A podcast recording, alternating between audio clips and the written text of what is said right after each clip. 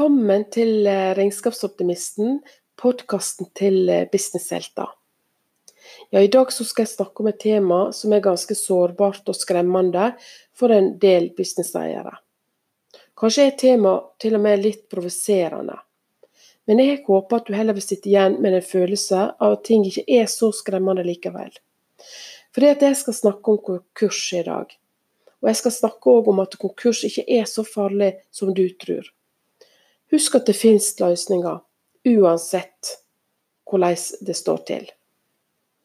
De fleste som går konkurs, går gjennom en personlig krise, i tillegg til den økonomiske belastninga det er å gå konkurs. Og det er stor forskjell om du går konkurs privat, altså du har et enkeltmannsforetak, kontra det å gå konkurs i et aksjeselskap.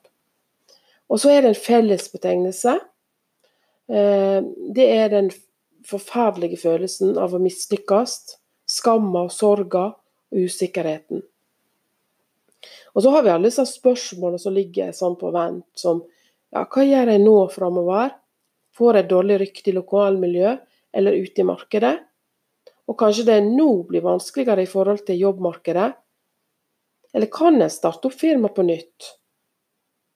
Og så har vi alle disse Eh, praktiske spørsmålene i forhold til konkursen. da, Hvordan du skal utføre alt sammen.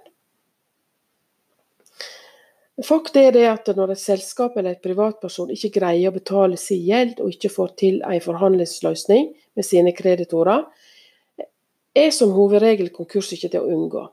Og Da er det gått for langt. Og Ved en konkursbehandling så skjer det en fullstendig gjennomgang av skyldnerens økonomi, for å få fastsatt størrelsen på eiendeler og gjeld. Og ved konkurs så selges eh, skyldnerens eiendeler for å skaffe konkursboet inntekter. Det er akkurat det som skjer. Ehm, og disse her inntektene som en klarer å få inn ved å selge eiendelene, de blir fordelt eh, i henhold til bestemte regler i konkurslovgivninga mellom skyldneren og kreditor. Og i de aller fleste tilfeller så er det ikke nok penger til å betale kreditorene med den. Og, og, og, og um, gjelda blir ikke sletta etter konkursen. Den gjelda som uh, ikke blir betalt, skal uh, du som skyldner dekke med framtidige inntekter. Men så er det, uh, hvis et aksjeselskap går konkurs, så er det litt bedre for eierne. For da slutter selskapet å eksistere. Aksjekapitalen slettes, noe som betyr at gjelda aldri blir betalt. Og da er også aksjonærene frigitt og frie. Og um, de slipper å gjøre opp den gjelda som ikke blir gjort opp, da. Så, så hvis at uh, du har et aksjeselskap med 30 000 som er minstekapitalen, så er det den du taper. Eh, er du flere eiere som eier disse 30 000 i aksjekapital, så blir du da fordelt mellom flere eiere. Så det føles litt enklere. Så, men uansett, eh, tenk eh, i hvert fall på det om du er enkeltmannsforetak som går konkurs eller aksjeselskap, så, så enda så tragisk det føles, så tenk heller sånn at det er faktisk ingen som dør av en konkurs. Det fins løsninger for konkurs. Så det beste du kan gjøre, om du eh, merker da, eh, du vil da merke om ting ikke går helt godt økonomisk i firmaet ditt, det er å være helt ærlig med deg sjøl og med andre.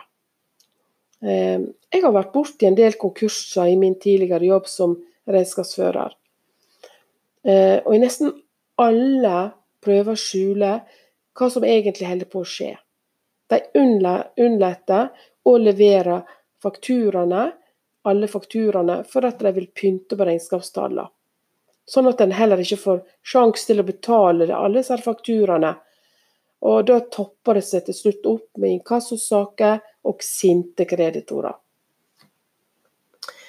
Og Istedenfor å ha en åpen dialog med bank, regnskapsfører, revisor og andre aktuelle, og innrømme at det ikke går så bra, så velger mange å skjule problemene.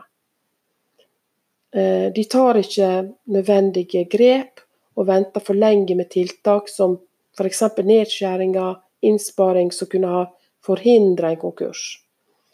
Og det er noen ganger feil satsingsområde i firma, og gjerne uheldig bruk av markedsføringstiltak, for store husleieutgifter ja, og, og annet som kan endres i tide for å redde.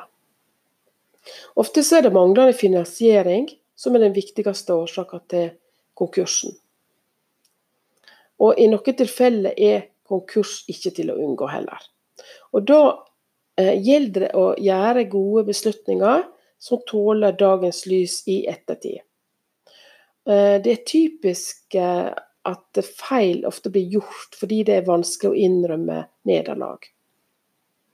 Men jeg tror at konkursene kunne vært unngått, at noen konkurser kunne vært unngått. da, Og at eh, mange av dem kunne vært håndtert bedre hvis at eh, firmaeierne tok tak i vanskelige situasjoner på et tidligere tidspunkt.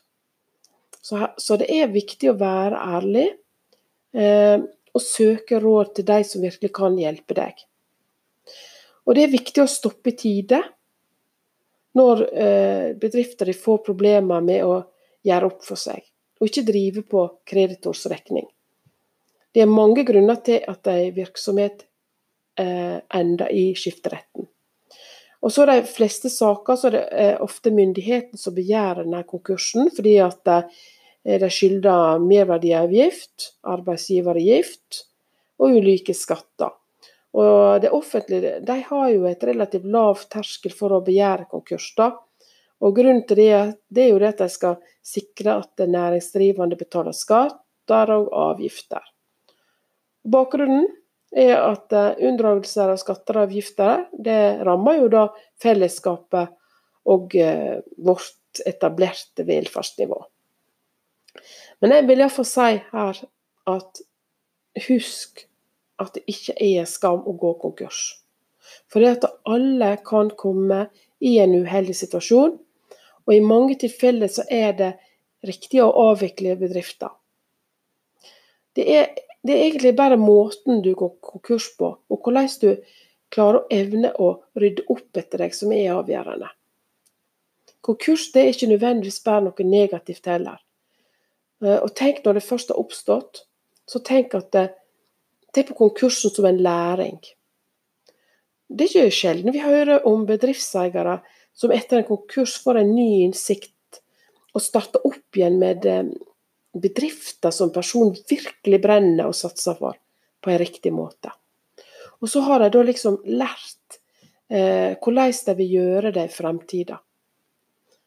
Men kanskje det til og med gir deg en ny giv Eh, til å tenke nytt.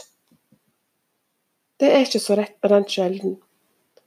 Så Norge er jo avhengig av en aktiv gründervirksomhet. Aktive gründervirksomheter. Og, og eh, det meste av vårt næringsliv det er tufta på små og mellomstore bedrifter.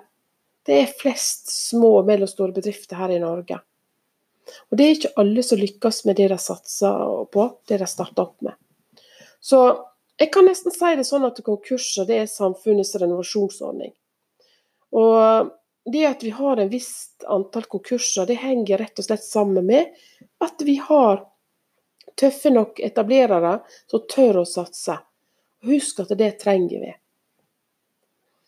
Eh, har du lyst til å få økonomiråd fra meg fremover, så kan du også følge meg på min eh, Facebook-side, Facebook-side til Regnskapsoptimisten, og følge min YouTube-kanal. Jeg ønsker deg en veldig god dag videre.